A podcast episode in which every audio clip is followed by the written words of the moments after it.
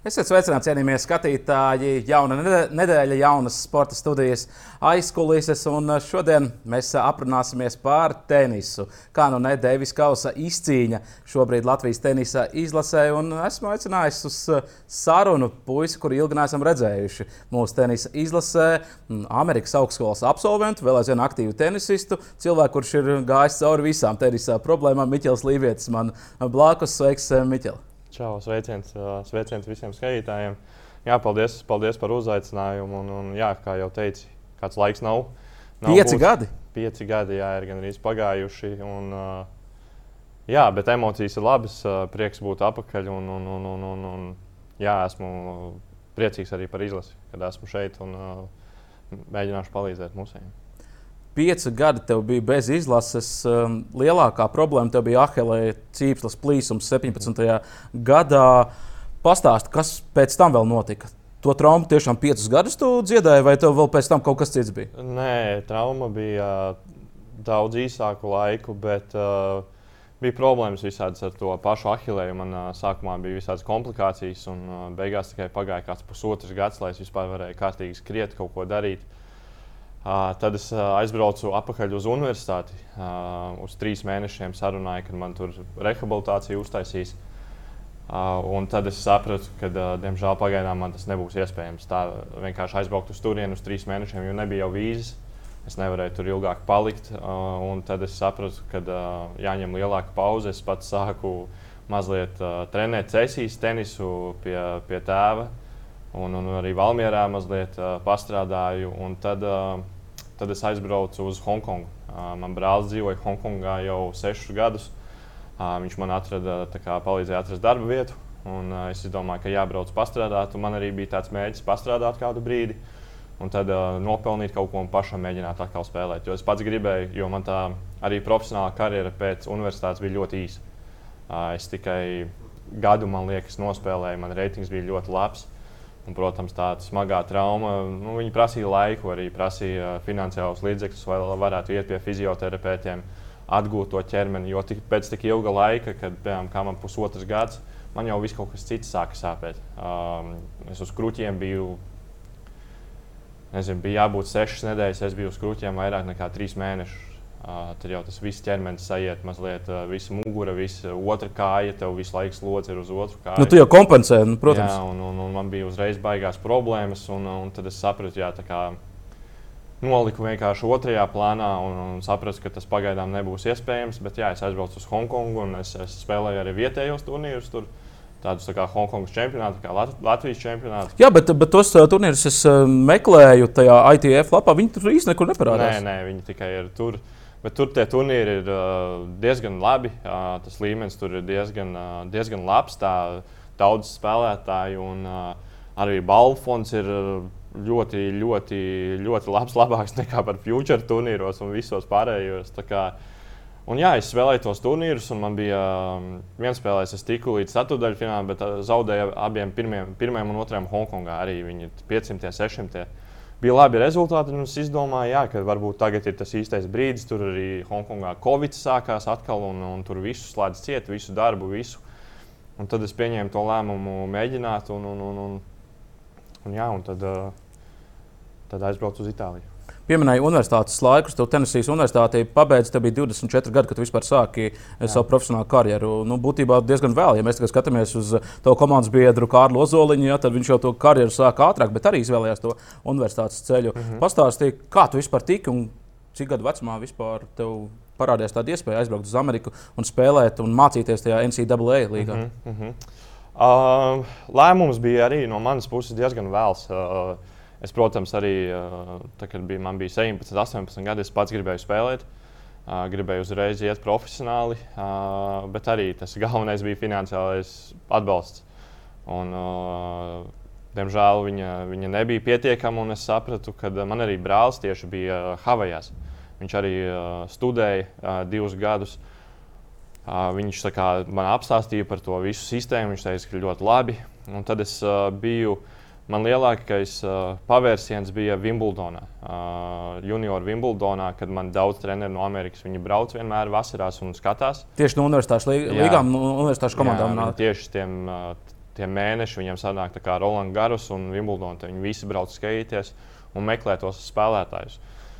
Un, uh, tieši tajā brīdī mani uzrunāja daudzas skolas, un tad es sapratu, jā, ka nākamais ceļš man būs tieši uz Ameriku. Tajā brīdī tā skola bija otrā labākā Amerikā.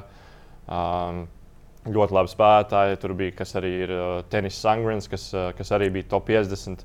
Uh, un, uh, un arī bija, jā, tajā brīdī bija daudz labi spēlētāji. Un, jā, kad man tā skola uzrunāja, tas bija ļoti viegls lēmums šīs augstskolas, eh, kādus spēlētājus viņas no tiem junioru turnīriem uzrunā. Jo būsim godīgi, nu, tas spēlētājs, kurš tur ir top 3, top 5, nu, droši vien, ka viņš varētu grib uzreiz jau tur 19, 18 gados, vai pat eh, vēl nesasniedz pilngadību, jau profesionāli spēlēt. Viņi vairāk skatās uz tādiem, kas ir ārpus pirmā desmitnieka junioru turē. E, ir, ir gan, gan, man liekas, e, šobrīd. Jā, top 10 spēlētāji junioros uzreiz iet profesionāli. Jo es arī domāju, daudz lielāks mārketings ir viņiem. Visiem ir kaut kādā ziņā tie Instagram un viss, un, un, un cilvēki meklē atbalstu. Bet uh, tad, kad es aizgāju uz koledžu, man uh, bija trīs draugi, kas no top 10 arī aizgāja uz, uz, uz skolām. Uh, bet jā, es domāju, ap, ap top 80 tieši arī ir tas reitings kaut kad. Kad tu tiec tajos junioru grāmatas lamos, un uz to viņi daudz kā, skatās tieši uz tiem no 50 līdz 80. Jo tur ir diezgan labi spēlētāji, un viņi mēģina viņus dabūt uz, uz Ameriku. Kāds ir tas tenis uh, universitāšu līgā? Ļoti labs līmenis. Nu, es, es, es spēlēju ar uh, ļoti labiem spēlētājiem. Pašu dubultspēlēs, kas ir pirmais Džons Salisburijs. Uh, es spēlēju viens spēlēs ar McDonaldu, Gironu, uh, Steviju Johnsons. Uh, Noteikti ka kaut kas izkritis no prāta, bet uh, līmenis ir ļoti augsts. Līmenis ir uh, tiešām ļoti augsts. Un, un es personīgi visiem ieteiktu braukt uz, uz Ameriku pirmām. Aizbraukt tu vari, bet, ja tu nokavē to vienu gadu, ja tu paņem brīvu, tu vairs nevari tur braukt. Un, Kāpēc nevar? Dēļ noteikumiem. Uh, NCAA ir speciāli noteikumi, ja tu sāc profesionālu karjeru, ja tu saņem par to naudu, tu nedrīkst vairāk braukt. Uh, tev ir tas, tā, kad tu pabeidz skolu, tev, man liekas, ir 6 līdz 8 mēnešu pieņemtas lēmums. Uh, ka tu gribi braukt. Un, un, nu, man liekas, tas ir ļoti labi. Tur visu tiešām atmaksā, ir treniņi. Tu, tu vari pieaugt savā ziņā, tu arī vari padzīvot viens pats, nevis būt mājās. Un, jo, jo tā dzīve vienam pašam ir pavisam savādāka. Tev pašam par visu jādomā. Un, un, un, man liekas, aizbraukt uz skolu, ka tev jādomā par skolu, par treniņiem. Tev tas uh, time management ir ļoti svarīgs. Un, ja tu to iemācies, tad man liekas, profesionālam tenisam būtu daudz vieglāk. Es nesen eh, taisīju sižetu par uh, volejbolistiem un izpētīju mhm. -huh. Amerikas volejbola izlasi, kur arī visi ir gājuši caur NCAA līgu. Uh -huh. Papētot tādus nu, vidējo karjeras posmu, ir tāda interesanta nianse. Jā, viņi visi sākuši profesionālā karjeru tur arī 24, 23 gados. Nu, kā nu kurš uh -huh. pabeidz to universitāti, ir, bet viņi spēlē vidēji pat ilgāk nekā tie spēlētāji, kur 18 gados aiziet profesionāļos. Kāpēc ir šāda nianse? Es domāju, var pārdegt. Uh, īpaši man, man liekas, ka, protams, ir, ir Alkaras, jā, ir, ir Sinērs, kas ir top 10, jā, un Alkaras vispār ir kaut kas fascinējošs, bet ir tik, tas ir viens no miljardiem. Un, un man liekas, dažreiz problēma ir tā, ka mēs augam un mums ir kaut kādi rezultāti, mēs paskatāmies uz šiem, šiem izciliem sportistiem, un mums liekas, ka mēs arī to varam izdarīt.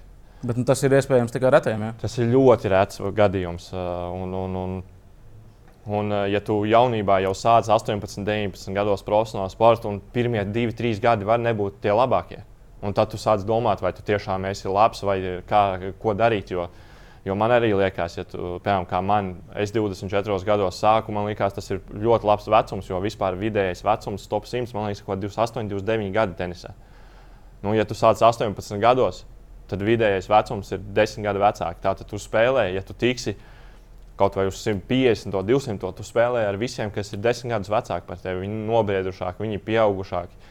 Viņam Pieredzējušāk. Jā, visa pieredze, tas, ir, tas ļoti daudz dod. Un, ja tev tur nesanāk tajos 18 gados līdz kādam 20 gadu vecumam, tu jau pats sev, manuprāt, iekšēji arī, arī sāc tā, laust. Tieši tā, tu sāc sevi laust, vai tu pieņem labākos lēmumus, ko, ko darīt ar treniņiem, ko, kā, kā var progresēt. Jo, ja, jo tajā profesionālā sportā jau ir, ir grūti, īpaši tenisā, ir tikai viens uzvarētājs visā nedēļā. Un, ja tu esi vienmēr kā zaudētājs, tenisā tiešām jāmāk zaudēt, jāmāk um, jā, tās emocijas savaldīt, jo, jo uzvarēt turnīrus ir ļoti grūti. Tenisā tas ir uh, tiešām kaut kas grūts, vai mēs varam kaut vai pasīties uz top 100 spēlētājiem. Viņiem pusē ir negatīva bilance gandrīz pa visu gadu. Bet viņi joprojām tur ir. Protams, tā punktu sistēma tur ir tāda uztaisīta. Bet, bet uh, kā uzvarētājiem ir ļoti grūti, protams, jā, ja mēs redzam Nadālu, Federeru, Džokoviču, bet tie ir arī tie, nu, tie ir tādi roboti cilvēki. Nu, jā, bet tie ir labākie, kas vispār jebkad ir bijuši. Nu, jā, nu. un, un uz tiem tā grūti salīdzināt to vidējo līmeni un vidējo spēli. Jo Bet, Kādas ir tādas, eh, tās īstās tādas mentālās problēmas, ar ko saskarās eh, tenisists savas karjeras eh, laikā? Nu, tavs piemērs arī, tu 24 gados sāki profesionālu karjeru, gāja labi, atceros, bija Deivis Kausa izcīņa pret Monako Daugopilī. Mēs vēl mm -hmm. toreiz arī interviju mums bija, kur tu, tu, biji, tu biji labi sācis, teici, visi, es tagad eju uz challengeriem, kas otrs spēcīgākais līmenis. Mm -hmm. Aizgāju uz tiem challengeriem, it kā bija ok, bet nu, tad viss tās traumas un tā tālāk.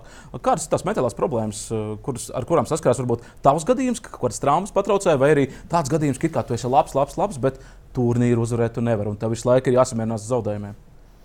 Oh, nu, pats svarīgākais ir jā, tas, uh, tas laiks, tā pieredze. Um, būt tajā iekšā tajā sistēmā. Jo man arī, kad es sāku tos challengerus spēlēt, man uh, labi, izloze bija, izlozes bija grūtas. Es spēlēju ar Tayloru Frīcu, uh, kurš tagad arī ir pirmais amerikānis. Viņš arī ir 15. Jā, bet, uh, Bet, uh, bet jā, galvenais būtu tajā apritē ilgāku laiku. Ja tu spēlē tos turnīrus un tikai spēlē, spēlē, kā nu, tenis ir jāspēlē 30, 35 nedēļas gadā. Nu, un, un 10 ir jātrenējās, un tad jau gads ir gan arī beidzies. Um, bet jā, man liekas, galvenais ir palikt tajā apritē, lai ir veselība, lai tu vari spēlēt tos turnīrus. Jo, ja tu spēlē ar labākiem spēlētājiem, tu arī pats audz. Kā, uh, tu saproti, ka tā katrā līmenī bumbas lido pavisam savādāk var redzēt to. Pats esi gājis pie psihologiem? Pats esmu gājis. Jā. Es domāju, tas ir ļoti svarīgi.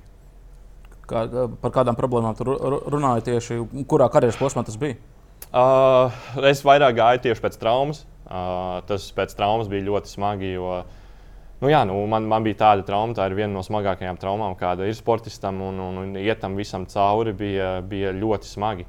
Bet tas arī um, mums koledžā bija iespējams iet uh, un runāties. Uh, kas man liekas ir ļoti svarīgi tieši mentāli. Jo, jo sportā, ja tev prāts ir aizņemts ar citām domām, tieši spēles laikā koncentrēties ļoti grūti. Jo, jo ja tu pazaudē koncentrāciju uz desmit minūtēm, viss. Tu, tu, tu vari pazaudēt. Tev salauzīs pretinieks. Un tu sāksi pats domāt vēl tālākas domas. Tu kaut ko aizdomājies, tu kaut ko aizmirsti un, un viss. Un tu sāc pats pazust tajās domās. Un, un ment mentālais ir Man liekas, mentālais tenisā ir 70% no spēles. Uh, tajā līmenī visi mākslinieks, la, labo sitienu, kreiso sitienu, visi, māk, visi ir likuši stundas iekšā. Bet kā tu vari mentāli sevi, sevi salikt grožos, koncentrēties un, uh, un jā, tās, tās divas, trīs stundas pavadīt tikai tenisam ir, ir ļoti svarīgi. Tie piegājieni pasaules tenisā arī ir dažādi. Stens Van Vrīnka, Niks Kīrijos ir tādi balīžu zēni, kurš šķiet uh, pamatīgi, kā saka, pēc turnīriem atlaiž un tā dabū mhm. to spriedzi nos. Tad ir, protams, tādi perfekti puisīši kā Rožers Federers, ja, kurš mm -hmm. nekad neko tādu savā dzīvē nedarītu. Mm -hmm. nu, kur ir tā īstā pieeja? Es domāju, ka nu, tas ir. Jo, teiksim, Stenam Vrinkam viņam bija super nu, divi, trīs gadi. Jā, mm -hmm. Un pēc tam viņš pazuda. Kirjosam nu, diezgan līdzīgi. Te viņš ir augšā, te viņš ir lejā. Uh, Kirijosam ir līdzīgi, bet viņš uh, man, man ļoti patīk pašam Kirijos. Uh, Kuram viņš nepatīk? Skatoties, tur vienkārši var izbaudīt. Jā, bet pirms šaubu gan pašu spēli. Pirms daudz gadiem jau, protams, tas talants, to talantu redz cilvēki, bet jā, viņš, viņš arī bija jauns. Nu, man liekas, tagad viņam ir 26. Man liekas. Uh, bet tagad arī viņš, viņam beidzot bija rezultāti, un tagad var arī redzēt, ka viņš ir pamainījies. Jo pirms tam varbūt nu, mēs, mēs cilvēki nezinām, kam, uh, kam citi cilvēki gājuši cauri kāda viņam ir bērnība bijuši, eh, bijusi un eh, kādas tās emocijas varbūt. Eh, es, es tikko arī lasīju, kad Makinrojas teica par Kirjosu, ka um, vienkārši viņam varbūt bija bailes būt tik labam. Tā arī var būt, ka viņš redzēja, ka viņš var būt tik labs, bet uh, viņam patika aiziet, pa, paballēties, kaut kur aiziet. Un tad uh, tā, tas jau ir kaut kādā ziņā, viņš slēpjas no tā, ka viņš varbūt arī negrib būt tas pats pirmais pasaulē, lai tā uzmanība viņam visu laiku ir. Bet, Lūk, tā ir interesanta nianse. Turpin, turpin. Un, uh, jā, un kad viņš vienkārši viņš labāk jutās, daudz komfortablāk būt 30, 40, nekā viņš zināja, ka viņš var būt top 5. Bet tad viņam nebūs tās brīvības, iet, iet kur viņš grib, uh, darīt, ko viņš grib. Uh, un tie bija nu, pirms diviem, trīs gadiem. Ja? Uh, tagad mēs varam redzēt, ka viņš Wimbledonā labi nospēlēja. Un tagad US Openā viņš arī runā par to, ka viņam viss ir mainījies prātā. Viņš vispār negrib īsti nekur iet, neko darīt, viņš grib spēlēt tenisu. Un, un, un varbūt arī tur ir tā atšķirība, kad uh, mēs runājam par profesionāliem sportistiem, ka mēs esam jauni, mēs gribam tās, tās citas lietas. Ja mēs neesam ielikti grožos, uh, nezinu, pie, pie labā sistēmā, pie labiem treneriem, labās akadēmijās, mēs gribam uh, mazliet pabaudīt to dzīvi kaut kādā ziņā. Un, kad mēs pieaugam 26, 27, 28, mēs saprotam, ka uh, tā nav dzīve. Tā nav dzīve. Dzīvē jāiet uh, cauri grūtām lietām, nekas nebūs rožu dārsts. Un, un tad mēs saprotam, ka mēs esam tik daudz gadus jau ielikuši tajā tenisā, ka jādod viss. Tur, tur nav īsti. Protams, ir laiks dažām balītēm vai ko, bet, bet tas, tam visam ir jāpieiet nopietni. Bet, bet katram ir savs ceļš. Tenisa universitātē mācījās psiholoģiju? Es tā, es, es tā klausos. Nē, nē es mācījos uh, krimināla tiesības. Opa! Jā. Tad tu Amerikā varētu būt izmeklētājs. Ja? Es varētu būt, jā, man liekas, pa, pa, pa policistu var arī iet mācīties tālāk, un, un, un par tiesā var iet arī mācīties. Bet, bet jā, tas man bija tāds koledžas eksperiments koledžā tev bija pilna stipendija. Es runāju ar daudziem uh, sportistiem, kur arī mācās un, un spēlē NCAA līgā. Citos sporta veidos nu, vienam ir pilna stipendija, citam ir jāpiemaksā. Kā tev bija? Uh, man bija jāpiemaksā, man nebija pilna. Uh, es arī kaut vai biju pirmais Amerikā. Uh, es nemaz nemēģināju treneriem teikt, kad vēlos augstāk. Es gribēju, lai komanda ir labāka. Man gribējās tiešām vinēt to NCAA komandas turnīru tieši visvairāk. Bet jā, stipendija nebija pilna. Un, Cik tā bija jāpiemaksā? Man bija jāpiemaksā. Man bija 85% stipendija, man bija kaut kāda 3-4 tūkstoši gadā jāmaksā. Jā, nu tā, tas nav tik traki. Jā, jā tas bija. Tas bija jā. Principā ļoti līdzīgi īstenībā, kas Latvijā mācoties jā. arī būtu. Nu, jā. mazliet dārgāk nekā Latvijā, bet visi samaksājam. Jā, man liekas, pilnā, pilnā summa jā, ir kaut kāda. Ne, es negribu samalot 25, 30 tūkstoši kaut kas tāds, man liekas, ir tā pilnā maksa. Un, Nu jā, tas sanāk tā, nu, standarta variants. Amerikā 100 tūkstoši maksā uh, bakalaurs. Jā, 4, 4 gadi 100 tūkstoši. Tā ir standarts un apmēram, jā. Amerikas universitātē. Nu, tad jā. tev jāpiemaksā attiecīgi katru gadu. Kāda ir tā tenis, tenisista dzīve? Tagad jau, kad tu esi pabeidzis universitāti, universitātē viss skaidrs, tev tur ir treniņa bāze, jā, tu tur jāaizbrauc uz citiem viss turnīriem. Viss ir, viss, viss ir sakārtots. Bet tagad, kad tu esi ITF tūrē, jau sācis tur ar futuriem, uh, Te turnīri ir nenormāli daudz, jums jānospēlē, jo punktiņus dod ļoti maz. Tu tur lido no vienas vietas uz otru vietu. Mm -hmm. Tad uh, otrs variants šķiet ir tāds, ka tu tur vienkārši uz diviem mēnešiem paliec vienā vietā. Jā, Jā ir, uh, ir opcijas palikt uh, Turcijā, Eģiptē un uh, Tunisijā pat 40 nedēļas gadā. Es, es zinu, ka uh, es tikko arī biju pats aizbraucis uz Tunisiju, uh, un uh, bija viena ķīnieša, kas tur 30 nedēļas ir. 30 nedēļas vienā vietā dzīvo, spēlē katru nedēļu turnīrus. Un, bet nu, ITF tūri ir ļoti smaga. Protams, kad es spēlēju, balvu fondi bija 10,000 un 15,000. Tagad mazliet tā sistēma pamainījās. Tagad ir 15, 15 25. 25 jā. Jā, un, Bet arī tās, tās, tās naudas tajos turnīros īsti nav. Vienīgais, kā tu vari nosakt visus savus izdevumus, ir, ja tu uzvari turnīru. Un, kā jau teicu, uzvarēt turnīru ir ļoti grūti. Vien, viens no katru nedēļu turnīrus spēlēm. Nu, ir pamatturnīrs 32 spēlētāji un ir kvalifikācija 32 līdz 64. Tātad 100 turnīri ir viens uzvarētājs, kas īstenībā atpelnīs kaut kādā ziņā to savu. Pārējie visi būs minusos. Pārējie visi minusos. Un, un, un visi lidojumi, viesnīcas, tev par visu pašam jāmaksā, tev par ēšanu, stīgošanu, fizioterapeiti. Visu, visu, ko vajag, viss, viss pats ir uh, pašam. Ir, kā tu to varēji pavilkt? Pats eh, jau pieminēji, ka ar naudām tā bija, kā bija uzsākt eh, bez NCAA līnijas, mm -hmm. ka tu mhm. gribēji pirms tam. Uh, tur, kā tu pēc tam varēji pavilkt? Uh, man sākumā pēc koledžas bija atbalsts no, no, no tieši no uh, tās pilsētas. Uh, man bija pāris cilvēki, kas man, man treneris uh, Amerikā palīdzēja atrast, uh, kas iedeva kaut kādu sākuma finansējumu, lai es varētu sākt tos pirmos mēnešus spēlēt. Protams, arī kaut kādā ziņā. Dažreiz bija atbalsts no savienības. Un, bet pats pašam jāmeklē sponsori, pašam jā, jādomā, ko. Un, un man, nu, man braukā jau tas arī. Man nebija ne treneri, man nebija ne menedžeri, man nebija. Man pašam viss bija jādomā par finansēm, par lidojumiem, kur es braukšu, ko es darīšu, kur lētāk, kur dārgāk. Un, uh, Tas nozīmē, to, ka principā tu pirki ekonomisko klasi lidmašīnā pašu lētāko, tur meklē visādas lētās kompānijas. Lēnie, lētākie, lētākās viesnīcas, kur, kur šēro dušas ar citiem cilvēkiem. Un, un, un pa, ļoti daudzi ITF turēji, kas vispār uh, dzīvo trailerīšos vai pat mašīnās guļ. Tas nav, tas, jā, tā, tā ITF tūri ir diezgan, diezgan smaga. Kā ir ar atbalsta meklēšanu, ja tu esi ārpus top 100 tenisists pasaulē? Ļoti grūti. Ļoti grūti. Es, es, protams, mēs varam skatīties uz lielākām federācijām, lielākām valstīm, Francijas, Vācijas. Anglijas, Itālijas. Tur, tur, tas, tur jau ir tā tenisa kultūra daudz lielāka, ir lielākas akadēmijas, lielāka, lielāka kā, tas exposure. Kā, kā tieši viņi atbalsta? Es domāju, gan no finansiālā viedokļa, gan ar sponsoru drēbju, sponsoru rakešu, sponsoru man pašam viss jāpērk. Sezonā vajag 4-6 raketes. Tie ir ar 1000 uh, ik pa uz hādas segumu spēlējot, katru nedēļu vajag jaunas botas. Katru nedēļu? Nedēļā viens bots. Un tev ir spēles. Ja tu nospēlē viens spēles, dubultspēles, tu trenējies katru dienu, tev botu pāris pēc desmit dienas ir uh, beigts. Un viss.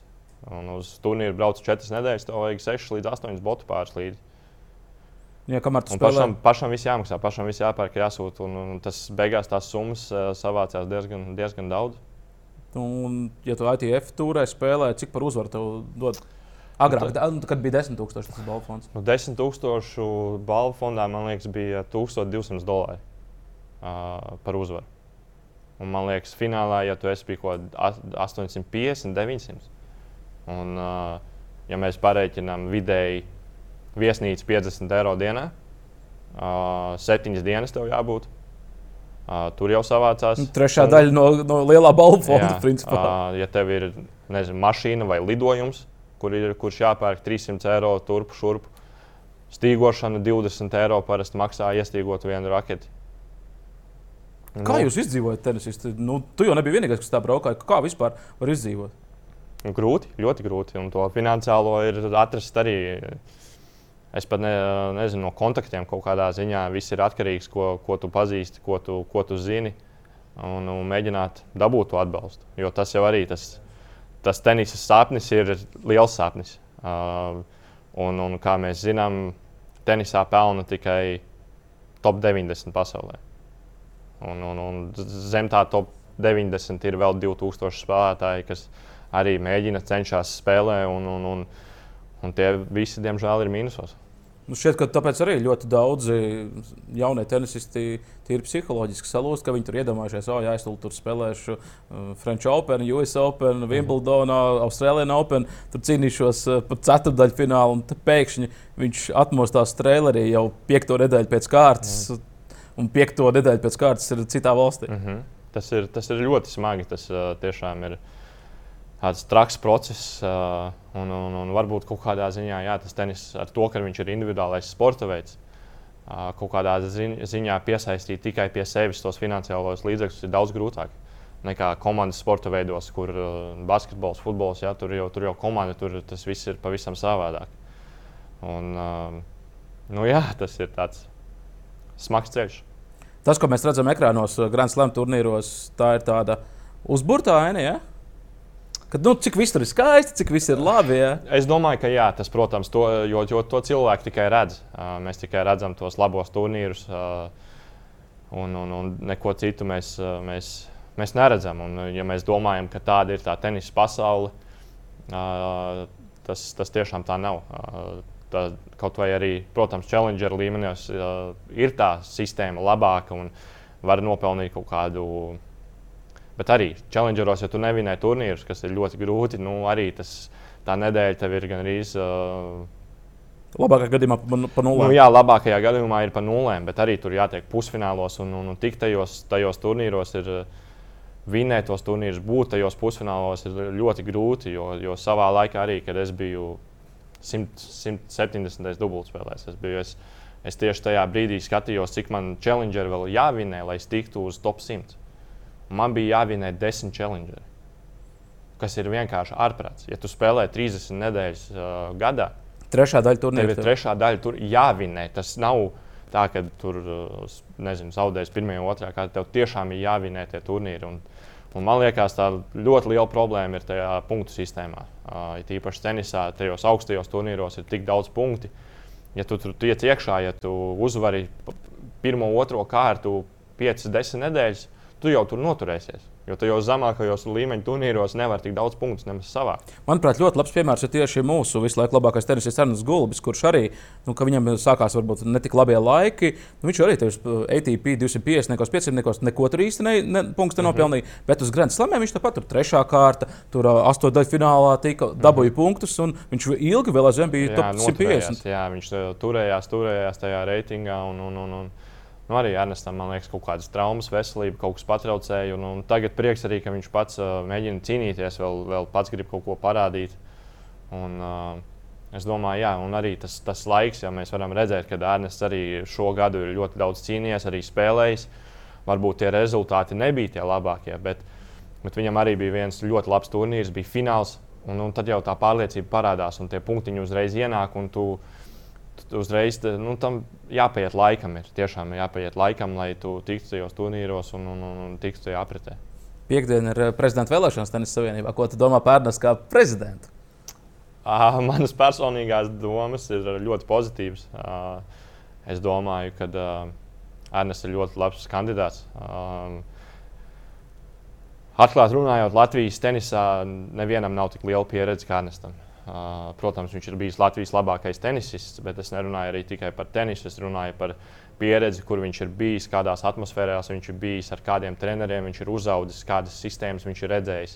Viņš, var, viņš varētu būt tas, tas cilvēks, kurš no ārzemēm mums varētu atvest kaut vai tos pašus trenerus, to, to, to pavisam noteikti, pavisam noteikti. Es, es arī esmu pats personīgi mazliet uh, parunājis par Ernestu un uh, par viņa plāniem. Un, uh, viņš, jā, viņš grib daudz vairāk palīdzēt arī Latvijas treneriem attīstīt to sistēmu un censties savienot tos kontaktus, kas ir mums Latvijā ar, ar ārzemēm, ar viņa Austrijas, Itālijas, tagad viņš Itālijā ir ļoti labas attiecības. Un, un, un, un to būvēt kaut kādā ziņā varbūt būvēt uz augšu. Es domāju, tas ir ļoti, ļoti labs solis Latvijas tenisā. Un, jā, kā jau teicu, tā, tā viņa pieredze, to, tāda Latvijā nav bijusi. Un, un es nezinu, vai kādreiz viņa arī būs.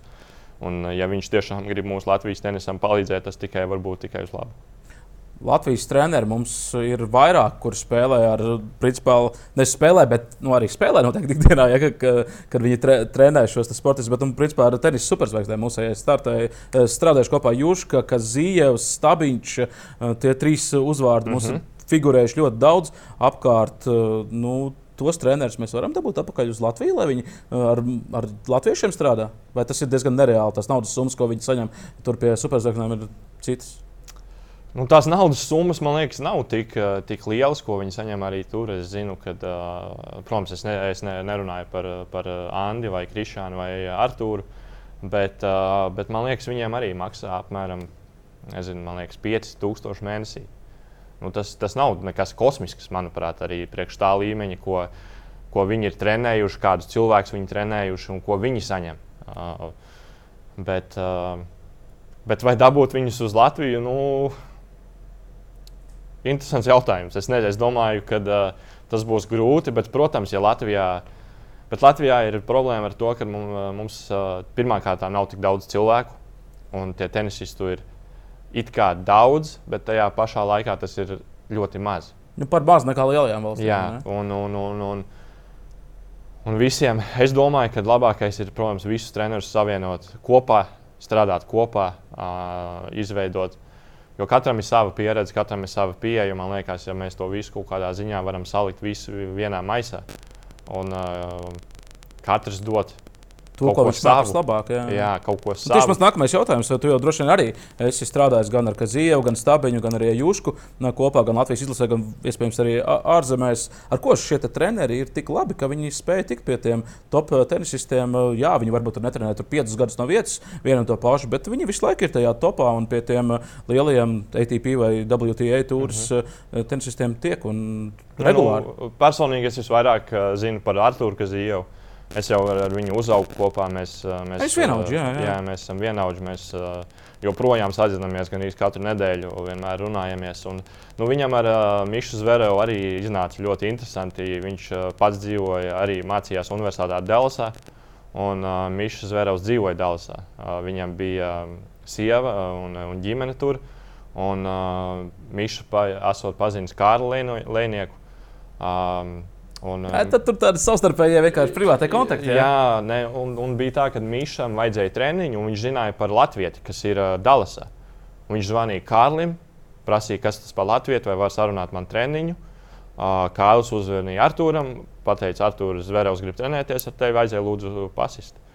Pirmo reizi viņš aiziet vienkārši pasit uh, pusotru stundiņu. Nākamajā dienā vēlreiz uzaicina paši jau savā starpā, un tad viņi beigās bija labākie draugi.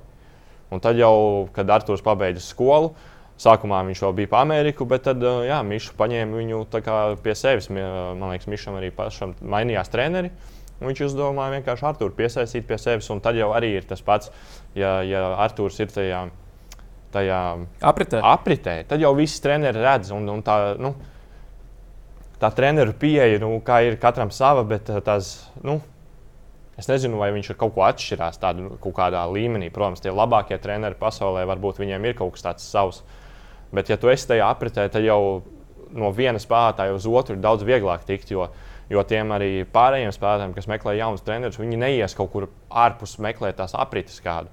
Ja viņi zina, ka viņam bija Mišs Zverevs treneris vai arī kā, kā Andris Juška, viņš arī bija pats spēlētājs, bija ap 200. Ja, viņš arī bija tajā apritē, daudz cilvēku viņu zina. Un, ja tu tiec tajā apritē, no, no viņas grūti izkristies. Tas uh, slēgtais burbulis. Liels. Jā, tāds liels slēgts burbulis. Un tur viss mainās ar saviem treneriem, un viss tas pats gandrīz tur notiek. Nekas jau jauns īsti tā neparādās. Tu arī parādījies pie Mišas Zvēreva un arī Aleksandra Zvēreva kaut kur tur pie apgāršņa. Tas šķiet bija French Open laikā. Ja? Jā, es nu, tieši arī uh, Arthurs Kazijovs man sarunāja ar, uh, ar Mišu Zverevu un uh, Aleksandru vienkārši pat trenēties. Un, uh, es, es tajā laikā arī tieši biju uh, paņēmis tādu treniņa bāzes pār uh, mēnesi. Tieši sanāca, ka Rolands Garus tur bija un es arī pats dzīvoju. Tieši Parīzē trenējos ar, ar Mišu un, un, un, un dzīvojos pa turieni. Trenējos arī Francijas federācijā. Man tur bija sarunāts. Un, un es jā, tiku pie viņiem. Un, un, un tagad man Itālijā ir arī ļoti labs kontakts uh, Roberto Bautista. Mums ir ļoti labas attiecības. Viņš arī pats tikko pārvācās no Spānijas uz Itāliju. Viņš arī trenējās tajā akadēmijā, kur ir Ernests un es. Un, un, un viņš man ļoti palīdzēja šajā posmā, šajos pēdējos trīs mēnešos. Es esmu gājis uz visiem viņiem treniņiem, ļoti iepazinis, kā viņš domā par tenisu, viņš, jo viņš jau baigais cīnītāj, cīnītājs ir.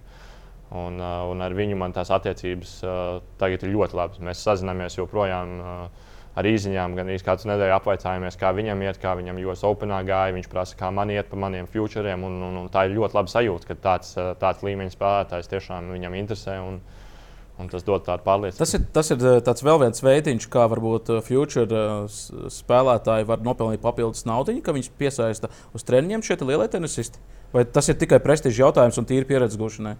Tas ir vairāk pieredzes. Es arī uh, Pirms pāris nedēļām ar Monfieldu trenējos Monte Carlo. Mums tagad arī tajā akadēmijā ļoti labas attiecības ar, ar cilvēkiem, kas ir Monte Carlo. Uh, tur ļoti daudz labas ten tenisisti ir un, un, un tā vienkārši tas ir pieredzējis. Protams, kontakti ir savā ziņā, bet, uh, protams, ja rezultāti kaut kādā ziņā būs, tad jau tad pie šiem cilvēkiem to arī var griezties un meklēt kaut kādus atbalstus vai uh, kaut kādā ziņā tas ir arī tāds labs konteksts, ko dabūt priekš sevis. Jā, lai aizliek labu vārdu. Jā, tieši tā. Un, un, un, jo nu, jā, tie cilvēki jau ir parādījuši, ko viņi var. Un, un, un ja, ja viņi kaut kādā ziņā tevi var paņemt zem, zem sava lietu sārga, jā, jā tāda un, un bīdīt arī kaut kādā ziņā uz priekšu, tas ir, tas ir jā, ļoti labi būt tādos kontekstos. Itāliju pieminēja. Ernests Golubs Itālijā arī tagad visu laiku uzturās. To arī esat tur. Jūs tur kaut kādu savu latviešu mafiju bijat? mēģinām, jā. Mēs, mēs arī mēģinām piesaistīt no Latvijas kaut kādus tenistus. Arī Gustavs Dambiņš bija atbraucis uz kādu brīdi. Bijušais Latvijas čempions. Bijušais Latvijas čempions, jā. Un, un, un, un jau visu laiku jaunākais Latvijas čempions. Jā, jā viņam bija, bija nepilni 15. Jā, 15 gadi. Jā, jā. Un, nu, jā, tur ļoti labi ir. Es, es man personīgi pašam pirmā pieredze bija ar tādu akadēmiju. Es nekad nebiju bijis nekādās akadēmijās, nekur.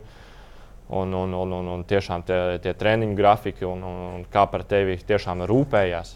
Uh, tas, ir, tas ir tiešām fantastiski. Ir tik daudz tenisa treneru, ir fiziskā treneri, ir fizioterapeiti. Un, un man, tā, man tā sajūta bija, kad es esmu atpakaļ tādā koledžas sistēmā, jo tur arī viss ir. Tev ir tikai jāatpūšas, jāpēd un jāierodās uz treniņiem. Viss. Tev nav jādomā, uh, ai, ko es šodien trenēšos, kur man sarunāt kaut ko, kurš man šodien patrenēs, kurš, kur es bumbas dabūšu, kur es to dabūšu. Tur viss ir, viss ir pakārtots. Un, un, un, un, Nu, bet, bet kā tādā akadēmijā var tikt iekšā? Labi, saprotu, tur junioru vecumā, tur vecāka maksā noteikti naudas summu mēnesī, mm -hmm. lai tur bērns trenējās. Bet jūs, pieauguši džeki, kur jau sākuši savu profesionālu karjeru, nu, kā tur tikt vispār iekšā? Un cik tas maksā vispār? Uh, šī akadēmija, man, es personīgi domāju, ir ļoti lēta priekš tā. Priekš akadēmijas līmeņa, ja mēs varam paskatīties uz lielākajām akadēmijām pasaulē, vārdiem, kas ir uh, Morutoglu, Nadāla akadēmija, IMG, viņas vi, visas maksā 70, 80 tūkstoši gadā. Tas ir future līmenis spēlētājiem. Tas vispār nav iespējams. Man pilnīgi Challengeros arī ir, nu, protams, ja ir kaut kāds atbalsts un tā, un, bet pašam kaut ko tādu vispār eh, domāt un atļauties ir gandrīz neiespējami. Uh, šajā akadēmijā cena ir uh, 22,5 tūkstoši gadā. Kas ir ļoti laba cena, ļoti atbilstoša cena. Es vispār nobrīnu, tas ir ļoti lēti. Priekš tā, ko Tiešām mēs trenējamies septiņas stundas dienā. Fizioterapeiti ir, zālīte ir, treneri ir. Tā cena ir tiešām ļoti adekvāta. Jā, bet tas uzliek to slogu. Tas nozīmē, ka tev gadā ir jānopelna ar tenis spēlēšanu vismaz 22,000. Vismaz, jā, tev vismaz jāmēģina tas kaut kā atpelnīt. Ir, un, un, un jā, tu arī jautāji, kā tur var tikt. Nu, arī kaut kādā ziņā, laikam, caur kontaktiem. Bet man, nu, arī, ja tu esi tajā apritē, ja tu zini tās kaut kādus trenerus, tad tu arī vari tikt tajās akadēmijās iekšā. Jo īpaši pie mums nu, ir, protams, ir, ir Ernests, ir, ir Bautista, Ra Rauničs, tur arī viņš, viņš bija atbraucis. Ir, Pāris labas sievietes ir no Ukrainas Kostjuka, Curasenko arī tur trenējās. Bet ir daudz ļoti jaunie spēlētāji tieši. Tie, kam ir 18 un zem 18, kuri tur tiešām trenējās daudz. Un, tādi virs 25 īsti, īsti tur uh, 8 līdz 10 spēlētāji ir, bet vairāk uh, ir visi jaunieši, visi juniori. Un, uh, un jā, es domāju, tā tur vienkārši ir, uh, nu jā, ja tu zini, kas tur trenējās, tad tur ir daudz vieglāk tikt iekšā, jo tad tu piezvani, tad tu visu sarunā un, un, un te viņam iekšā un tajā sistēmā. Un, Tu biji pats, bet gari, tu, nu, tu esi uzaugusi savu tēvu vadībā. Būtībā mm -hmm. tu teici, arī tenisa treneris priekuļos. Uh, nebija doma arī braukt kaut kur, meklēt kaut kādu akadēmiju, vai, vai vienkārši tas bija tik šausmīgi salīti, ka nu, nevarētu ģimeni atļauties. Es, es pat nezinu, vai tas bija sālīti vai nebija, bet nebija nemaz tādas domas. Man, uh, es uzaugu ļoti labā kā, tenisa atmosfērā. Protams, teicis treneris, bet man arī uh, auga brālis. Uh, draugi Pēters, Vinogradovs, Krišbaglais, Mārtiņš Nīmans. Mēs visi bijām tāda banda, sava banda. Un, un viņi mani audzināja, viņi bija vienmēr vecāki. Es treniņos. Tu biji jaunākais un tas bija. Es biju pilnīgi jaunākais. Un, uh, divus, trīs gadus jaunāks. Es vienmēr treniņos zaudēju. Man bija jāmācās jau treniņos zaudēt. Es gāju no treniņiem projām raudājums. Bet, uh, kad gāju turnīros, bija pret manu vecumu spēlētājiem jāspēlē. Es jau spēlēju mazliet labāk, jo tas līmenis man treniņos bija daudz augstāks. Jo, jo arī uh, Man brālis un Pēters Vinogrādos arī vienmēr bija top 3 Latvijā. Līmenis bija ļoti augsts arī viņiem. Un, un man nemaz nebija tādas domas, kaut kur braukt, ko meklēt. Tas arī pats bērnībā daudz spēlēju tenisu, pats arī basketbolu. Daudz spēlēju cēsīs, ar, ar, ar gāju uz treniņiem, spēlēju komandās. Un, un man, man vispār tādas domas sākumā nemaz nebija kaut kur braukt un kaut ko citu meklēt. Tajā karjeras pārtraukumā, kamēr tu sadziedēji tās savas lielās traumas, tu patrenēji mazliet bērnus. Kā ir ar to bērnu trenēšanu? Um, un, un kā ar tiem bērniem nāk šobrīd uh, tenisā? Tur, tur redzi, tu potenciāli tiem bērniem ir tāda pati gribēšana, kā tev bija. Kā tu teici, tu biji jaunākais, tu vienkārši acis degi, ka beidzot tas vecākais brālis ir jāuzvar. Um, es domāju, ka kaut kāda gribēšana ir, bet reti. Ļoti reti. Es, es atceros, kā man, piemēram, bija. Nu, es gribēju katru dienu būt tikai uz tenisa laukuma. Man, man, man īsti neko, es pat negribēju uz skolām iet vai ko. Man tikai gribējās tenisu. Varbūt ir, protams, kaut kādi izņēmumi, kas to tiešām vēlās, bet, bet tagad man liekas, ir problēma tā, ka ir visādas citas lietas, ko, kas bērniem ir pieejamas. Nu, jaunās datori, tehnoloģijas, jā, jaunās jā, tehnoloģijas, man liekas, kas ir, kas ir ļoti slikti. Uh, bet, bet, bet bez tā mēs nevaram. Nu, tas ir noticis šajā pasaulē. Mums vienkārši jā, jāmēģina. Mums jāpielāgojas, jāatrod, jā, jāpielāgojas un jātur kaut kādi. Jo tas bērniem, nu, tas visiem daudziem cilvēkiem patīk. Uh, nezinu, tās tehnoloģijas. Man liekas, tas ir tāds, jā, tāds distractions, ko, ko bērns vairāk domā, kā, kā pēc treniņa iešu nezinu, telefonā vai iPadā kaut ko padarīt. Un arī tagad braukāju uz ITF turnīriem, visi cilvēki sēž telefonās. Un, Un, uh, Mēs tūlīt beigsim podkāstu, un arī noteikti pirmais, ko darīsim, izvilksim telefonu. Jā, un, un tas viss ir tikai normāli, bet, uh, bet jā, man liekas, ir daudz citas lietas, ko tie bērni var kaut kādā ziņā darīt. Tajā laikā, kad uh, es personīgi trenējos, es gāju spēlēt basketbolu, pēc basketbola es gāju spēlēt floorbola, kas cēsīs ir ļoti populārs. Man tā diena aizpildījās, man nebija nekāda, nekādas citas. Uh, Varbūt bija kaut kādi citi varianti, bet, uh, bet tas viss bija tāds uh, vienkāršāks. Vienkāršāk to atrast, vienkāršāk to izdarīt, nekā, nekā jāsēdēt iPadā un runāt ar kaut kādiem draugiem, kas tev arī sēž uh, pie citiem. Šo, šobrīd nav tā, ka tieši tie maksātspējīgie vecāki vairāk grib nekā tas puika vispār, kas pie tevis tur ir atnācis. Es domāju, pavisam noteikti. Tas, bet jā, tā ir. Tā ir Varbūt arī kaut kādā ziņā tā ir problēma, jo bieži arī, man liekas, Latvijā, protams, daudziem cilvēkiem gribās izaudzināt to tenisistu, to tenisistu jā, bet, bet, diemžēl, ja mēs paskatāmies uz augstāko līmeni, Latvijā tie Sevastovs, Ernsts, Ostopenko, viņi jau īsti Latvijā daudz nebija. Tas viņi uzauga kaut kur citur, ārvalstīs. Un, uh, Latvijā mums, kā tu teici, man liekas, tiem vecākiem dažreiz gribās vairāk nekā tam, tam bērnam. Uh, un, un, un, un tad mēs tie vecāki spiežam, spiežam, spiežam to, to bērnu iet, bet varbūt viņam tas uh, to nemaz negribas. Un, uh, un man arī, man liekas, kas man ļoti palīdzēja, man nebija tāda spiediena no vecākiem. Jā, man teica, bija treneris, bet nebija tā, ka viņš teica, tev jānāk, jānāk, jānāk. jānāk. Es, es tā, biju kaut kādā savā ziņā tāda mana izvēle. Ja es to tiešām vēlos, tas ir mans, tad es iešu un es to darīšu. Bet uh, man liekas, šajā brīdī, kā, kā tu teici, tas spiediens nenomās no vecākiem. Kad, protams, viņi redz arī, ka ja tas bērns izaugs par labu tenisistu, viņam viss būs nodrošināts. Viss, bet tas, kā, kā tu teici iepriekš, tas ir tāds burbulis. Jā, slēgtais burbulis. Un arī tajā topā mēs daži cilvēki tikai pelna to lielo, lielo naudu. Un, un, un, un, un to, kāda ir tā ITF tūre, un, un tas viss, to mēs neredzam. Un, un tas ir tas grūtākais periods, un kad tas bērns ieiet tajā iekšā ar to vecāku spiedienu, uh, tur ir ļoti grūti, ļoti grūti to izturēt un to pavilkt vispār. Manuprāt, ļoti daudz nāk talkā tas, ko tu teici, ka tu arī spēlēji basketbolu, spēlēji florbolu, ka tev bija arī citi sporta veidi. Nebija tikai tenis, tikai tenis. Jā. No rīta piecēlējies, redzi kortu, naktī sapņo noteikti. Un tagad kortu. ir tas jaunais treniņu, man liekas, tāda metodika, ka tikai, tikai jātrenējās, tikai jātrenējās, tikai jātrenējās. Arī man liekas, dažreiz eh, arī Itālijā akadēmijā nu, mums ir ielikās. Uh, pusotru stundu fiziskais no rīta, pusotru stundu tenis, pāri pusdienas, tad atkal pusotru stundu fiziskais, pusotru stundu tenis. 6 stundas tev jau īsti nav laika iet, iet basketbolu pamētāt vai, vai kaut ko citu. Un, un, un, man liekas, tā, tā trenēšanas metodika ir ļoti pamainījusies pēdējos gados. Ir daudz tāda nopietnāka, bet, bet tajā pašā laikā arī viss ir attīstījies. Visas, uh, Fizioterapijas un, un visādi līdzekļi, kas var tevi nu, vairāk vispār, atjaunot. Un, jā, jā, par to vispār nerunā Atceros, 2000. gada sākumā sportists, jebkurā sporta veidā saplēs krustenis, kāds saites, viss karjeras beigusies. Jā, viss. Tagad pēc pusgada viņš ir apkārt. Jā, jā, jā, nebija vispār kādreiz nebija neko. Nu, nebija, ne, nu, jā, nebija tādas informācijas arī. Jo tajā laikā, jau 2000. gadi, mums uh, Latvijā knap, internets jau bija, un tikko parādījās piezvanu kaut kāds internets, bet tagad tu ieej YouTube, ieej Google, tu visu vari atrast pats ar sevi, savu telefonu.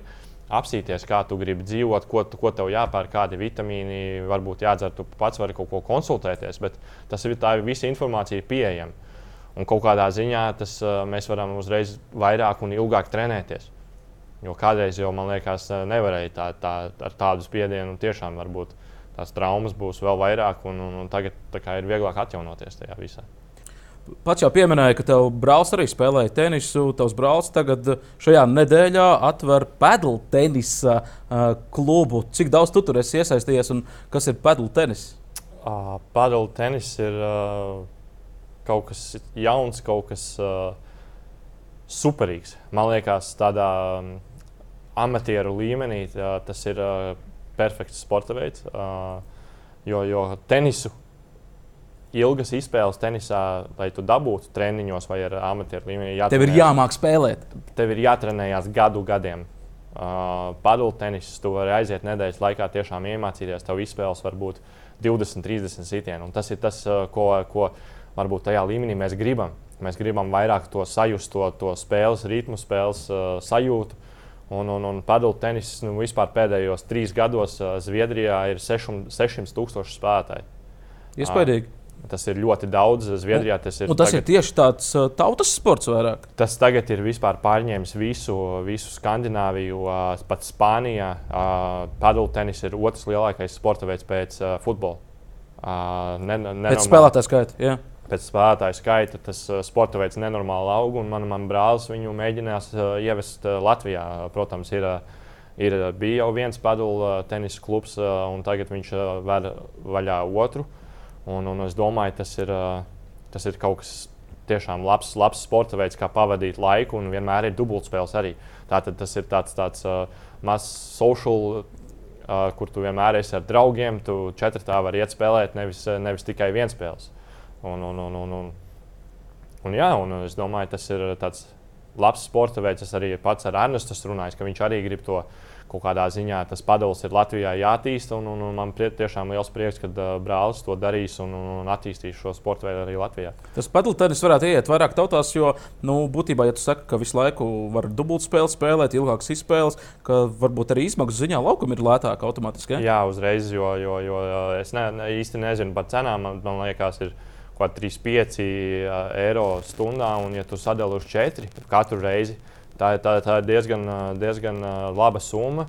Jo, jo nav jāiet tās vienspēles, tad jau tas viss ir daudz dārgāk. Un, un, un, un, un arī padulu tenis, man liekas, būs Olimpiskajās spēlēs jau vai arī nākamajās vai aiznākamajās. Nu, viņš ir viens no kandidātiem. Jā, jā, jā. jā. jā un, un viņš būs arī Olimpiskais sporta veids.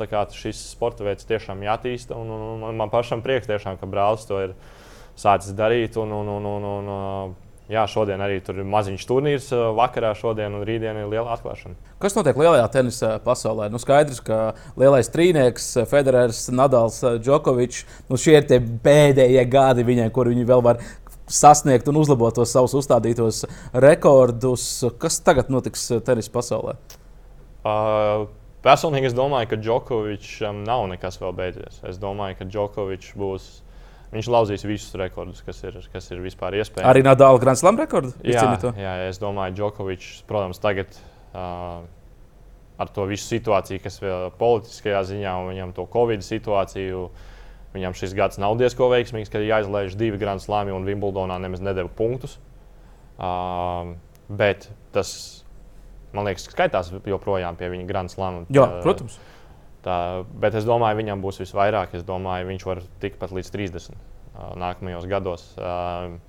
Protams, kaut kādā ziņā arī Alkaras varbūt, bet man liekas, arī viņš tāds jauns, varbūt viņš tikko pirmo dabūjis. Ir. Bet Federeram es domāju, diemžēl drīz būs, būs beigas. Es ceru, ka viņš vēl, vēl kādu Grand Slamu uzspēlēs. Protams, Nadālam, es domāju, viņa nākamie soļi uz nākamajiem gadiem būs tikai noteikti French Opens. Uh, Es domāju, tur viņam ir lielākās tās izdevības. Šogad viņš nospēlēja ļoti daudz. Un, un, un, un, un to arī mēs redzējām uzreiz uz veselības stāvokli. Uzreiz jā. bija traumas, neuzvarējis Nadals salūzi. Jā, jā, viss viņam visi sāka jau ļoti daudz traumas. Arī US Openā viņš teica, ka viņš nejūtās diezgan labi. Viņš ņems kādu lielu pauzi noteikti. Es pat nezinu, vai mēs viņu redzēsim Austrālijā Open, bet, uh, bet es domāju, ka Džokovičs uh, spēlēs. Un es domāju, ka viņš joprojām ir labākajā fiziskajā formā. Tad uh, Rūts, uh, Siners, mm. Alkaras vēl netiek klāts Džokovičam? Nē, es domāju, netiks. Uh, viņš ir viņš, uh, viņš psih psiholoģiski ir. Uh, manuprāt, viens no stiprākajiem, pat stiprāks nekā Federers vai Nadals. Ja. Nadals ir nenormāls cīnītājs. Federers ir tāds uh, elastīgs, visiem patīk. Viņš ir tāds uh, cilvēku mīlūs, varētu teikt, jā, bet, bet Džokovičs, viņš ir, man liekas, ar visu šo, kas šogad ir noticis, viņš ir vēl vairāk saniknots par visu. Viņš, Viņš viņam, atnāks iznīcinās jebkur pretinieku. Man liekas, jā, viņš arī tāpat kā viņš atbrauca uz Wimbledonu, viņš visiem parādīja, kas, kas, kas notiek. Un, un viņš, man liekas, mentāli ir jā, visstiprākais. Kas, kas Atceros French Open finālu Federers. Nadals, ja pareizi atceros, tas jau bija sen. Mm -hmm. Tev vēl nebija pat 18, bija 5 seti, tur 5,5 stundas. Tad atceros, Austrālijā Open arī tur bija 5 seti starp šiem diviem vīriem. Kā tu vispār fiziski izturēt? Un ko tenisists to 5,5 stundu laikā vispār pārdzīvo laukumā? Tu, tu varētu 5,5 stundas nospēlēt? Manā ilgākā spēlē bija 4,5. Tā bija toreiz pret Monako? Devis kaut kas tāds - tā bija pie četrām stundām. Tā bija pie četrām stundām. Man bija pat trīs seti bijuši, četras stundas, uh, 30. Uh, man bija. Bet, tu, man liekas, uz laukuma tu to īsti nejūti. Tu esi tā iekšā tajā spēlē, un, un, un, un tas, protams, ir kaut kādi augstumi, kritumi, kāpumi un viss kaut kas mainās. Bet, uh, bet ka tu esi tajā iekšā, tu īsti nejūti, vai tu esi, protams, vari nogurt, bet tas adrenalīns, visas tās emocijas, ja tu īpaši spēlē tādā vidē, kāda, kādā viņi ir, tādos cilvēkos, tu jau baigās emocijas dabū no tā visa. Protams, pēc spēles, man liekas, ja tu pēc divas stundas pēc spēles gan tev varētu būt tāds kārtīgs, kārtīgs besis un tev neko negribās. Bet, ja tu uzvari tās spēles, tad man liekas, viegli iet uz nākamo un turpināt, turpināt, jo tās, tā, tās sajūtas. Uh, Mēs eh, to grūti ap, eh, apstāstīt, kādas sajūtas ir tajā tenisā, tās, tās lielās spēles. Protams, man, man pieredze nav ļoti daudz tādā, bet es nevaru iedomāties, kā viņiem ir tajā, tajā atmosfērā būt un tās emocijas dabūt savā ķermenī. To, to, to diemžēl 99% no pasaules iedzīvotājiem vispār nezina, kā ir justies tajā, tajā pozīcijā pēc tādām garām spēlēm tu ar pretinieku sēdi vienā ģērbtuvē, vai jums vienmēr ir visos turnīros atsevišķi ģērbtuves? Vienā ģērbtuvē, visas vienā ir visi, visi blakus. Un... Kādas tās runāšanās pēc spēlēm ir? Nu, ļoti bieži tur ir arī konflikti laukumā. Ir, ir konflikti, bet, bet es domāju, tas ir arī tikai spēles tādā spriedzē. Un, jo, protams, mēs jau visi individuāli sportā mēģinām uzvarēt, mēs mēģinām savā ziņā iznīcināt to pretinieku. Es domāju, bet ģērbtuvē ir domāju, diezgan Labi, ir, protams, kaut kādi gadījumi, kad kaut kas arī ģērbtuvēs notiek, bet, bet tur, tur viss ir, man liekas, respekts ir tajā, tajā sportā. Īpaši, ja mēs izējām ārā no laukuma, tad, tad viss. Es, protams, kā žurnālists, redzu to tenisa spēli mazliet plašāk nekā jūs tur uzliekat klapītes un tikai tenis. Piemēram, tāda tava 4,5 stundu ilgā spēle. Tiesneši, tieši tie, kas uz līnijām, piemēram, stāv vai arī galvenais tiesnesis, nu, viņam savējās uz stoleti. Viņi vispār tiek stulti. Operatori, kas filmē to spēli, arī kaut kas līdzīgs. Viņi tiek vai tur ir nē, viss. Nu, līnija tiesneši tiek, jo viņi mainās. Bet uh, interesants jautājums. Jo es īstenībā nekad neesmu redzējis, ka galvenais tiesnesis iet uz to tajā mača laikā. Vienalga, cik gara spēle. Jā. Arī nu, kā tikko bija Alkaras Siners, 5 stundas 12 minūtes. Un, uh, es neredzēju, ka tiesnesis varēja kādā brīdī vispār aiziet kaut kur. Es, es, ne, es neesmu īstenībā redzējis tādu gadījumu. Tas ir baigi. Tas ir baigi interesants gadījums. Jā, nu, teiksim, TV operatori arī ir. Jo arī spēlētāji jau visu laiku aiziet tur. Nu, jā, nu. Tajos uh, batrumbrēkos, protams, viņi, viņi svīst un uh, daudz dzer ūdeni un visus tos uh, dzērienus. Bet jā, par to es nebiju tā īsti aizdomājies. Varbūt viņi tur sēž un, un, un, un, un ciešās. Eh, Iga Švanteka, eh, Polieta, ir eh, visvairāk nopelnījusi turnīros šajā gadā. Kā tas nākās? Visi vienmēr jau runāja, ka vislielākā konkurence tieši dāmām, kur 20 spēlētājs var vinēt jebkuru turnīru. Večiem tomēr pēdējos gados nu, bija lielais strīdnieks, nu, plus vēl viens nu, Marais, Marais bija. Un, un, un, Tev Potropa vienbrīd bija. Jā, jā un, un, un, un, protams, Vavrinka arī vinēja kaut kādus grandus lamus. Bet, protams, tenisā Jā, tas bija daudz dominējošāk, un, un, sievietēm nu, arī, bet varam skatīties, ja Serēna, nu, Serēna arī, tā, kad viņa bija savos, uh, savos ziedu laikos, nu, viņa, viņa visus vinēja. Tur nebija īsti, protams, pēdējos gadus tas daudz vairāk sievietēm mainījās. Bet, uh, bet jā, interesanti bija redzēt, ka tiešām sievietēm tik dominējošs gads arī bija kādam, kādam citam. Un, un, un, un, jā, nu, man, man jau liekas, tas ir labi. Tas, tas, tikai, tas tikai, man liekas, tas līmenis uzreiz ir augt. Ja tu redzi, ka tiešām kāds cilvēks dominē, tu, tu audz pēc tā, jo man liekas, arī Daudz cilvēki ir aizmirsuši, kā Federers dominēja 2000. gados. Ka, kamēr vēl nebija Nadals un Džokovičs atnākuši. Jā. Un, jā, un arī tajos laikos arī nebija, nebija tāds social media, tas burbulis. Nevarēja redzēt YouTube un Instagram tos, tās visas izspēles un visus punktus, kas bija jāstāsta televīzijā, kas bija jāstāsta Eurosportā. Un, un, un cilvēki to ir aizmirsuši. Jo tagad uh, Mēs tikai redzam par Nadālu, par Džokoviču, bet uh, man liekas, kāpēc ir tāds Nadāls un Džokovičs dēļ Federera. Jo viņam tas līmenis bija tik augsts, ko tenisa pasaule vispār nebija redzējusi. Un tad viņi iedeva tādiem, sākumā jau bija tikai Nadāls. Džokovičs, protams, sākumā bija, bet viņam arī tie rezultāti. Viņš laikā bija pret Nadālu vai, Džok, uh, vai Federeru, viņš arī zaudēja. Bet tad viņš arī pieauga pie tā līmeņa, jo, jo ja ir tik dominējošs spēlētāji, tad tikai tas līmenis var augt. Jo, jā. Manuprāt, Džokovičs eh, spēles ziņā jau bija tajā līmenī, bet psiholoģiski viņš nebija tik spēcīgs. Jā. Jo šobrīd, ja man jāsaka, psiholoģiski, nu, Džokovičs ir, manuprāt, pirmais un Nadals ir otrais. Jā, jā, pavisam noteikti. Pavisam noteikti tā psiholoģija tiem uh, Nadālam un Džokovičam ir vispār kaut kas, kaut kas fantastisks. Ko saka par mūsu meitenēm? Aļona Stāpenko šobrīd 15. pasaulē būs vēl Grand Slam kāds tituls. Ne, nu, tu jau neesi pārējis, protams, bet nu, tīri pēc tā, kas notiek sieviešu uh, tenisā. Nu, tas, kas notiek sieviešu tenisā, viss ir iespējams. Es domāju. Uh, bet, bet Aļona, man liekas, arī viņai. Es, es nezinu, cik, cik, cik vecums viņai ir 20. 97. gada. 25. Tā 25. Ļoti, ļoti, ļoti labs vecums, vēl viss ir priekšā. Es domāju, kā mēs arī pirms tam runājām, jo mēs vecāki paliekam, jo mums vairāk uh, interesē tas tenis un, un kaut kādā ziņā.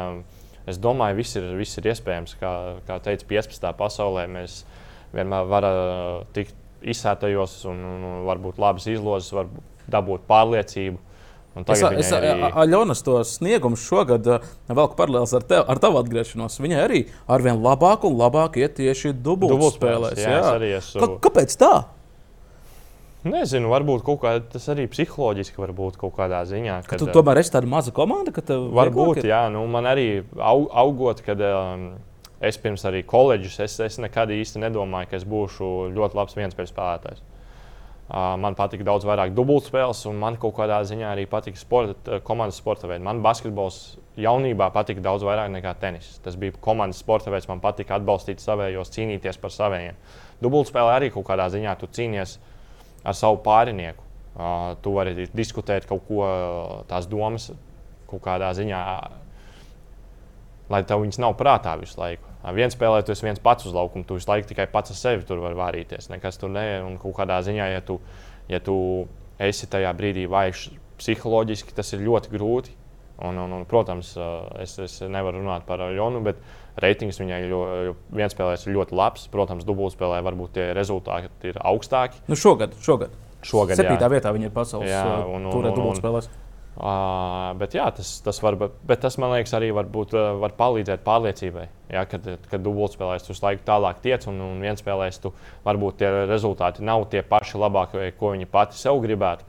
Bet, ja tu visu laiku tiec tālu turnīros, tu jau dabū to pārliecību, ka tu vari, vari, vari, un tad var, nu, kā jau mēs visi zinām, arī kad Aļona vinēja French Open. Ja, nebija tā, ka pirms turnīra visi teica, ka Aļona tagad ir nezinu, augstākais favorīts. Ja.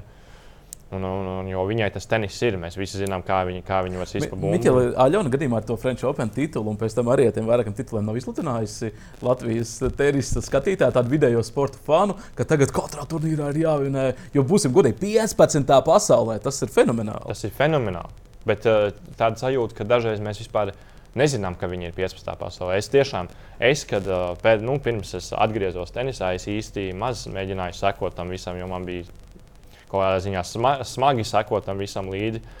Bet tās ziņas vispār nebija par viņu. Gan, nu, Protams, tā, viņi vinēja French Open, un tad, tad gads pagāja, visur bija tikai tenis, tenis, tenis. tenis. Tagad viņi ir 15. pasaulē un ir aizmirsies. Kā, kad 15. pasaulē tas ir ārprāts vienkārši. Īpaši priekš Latvijas tenis tas ir, tas ir kaut kas fenomenāls. Un septītā dubultspēlēs, un liekas, ka tas īsti vēl.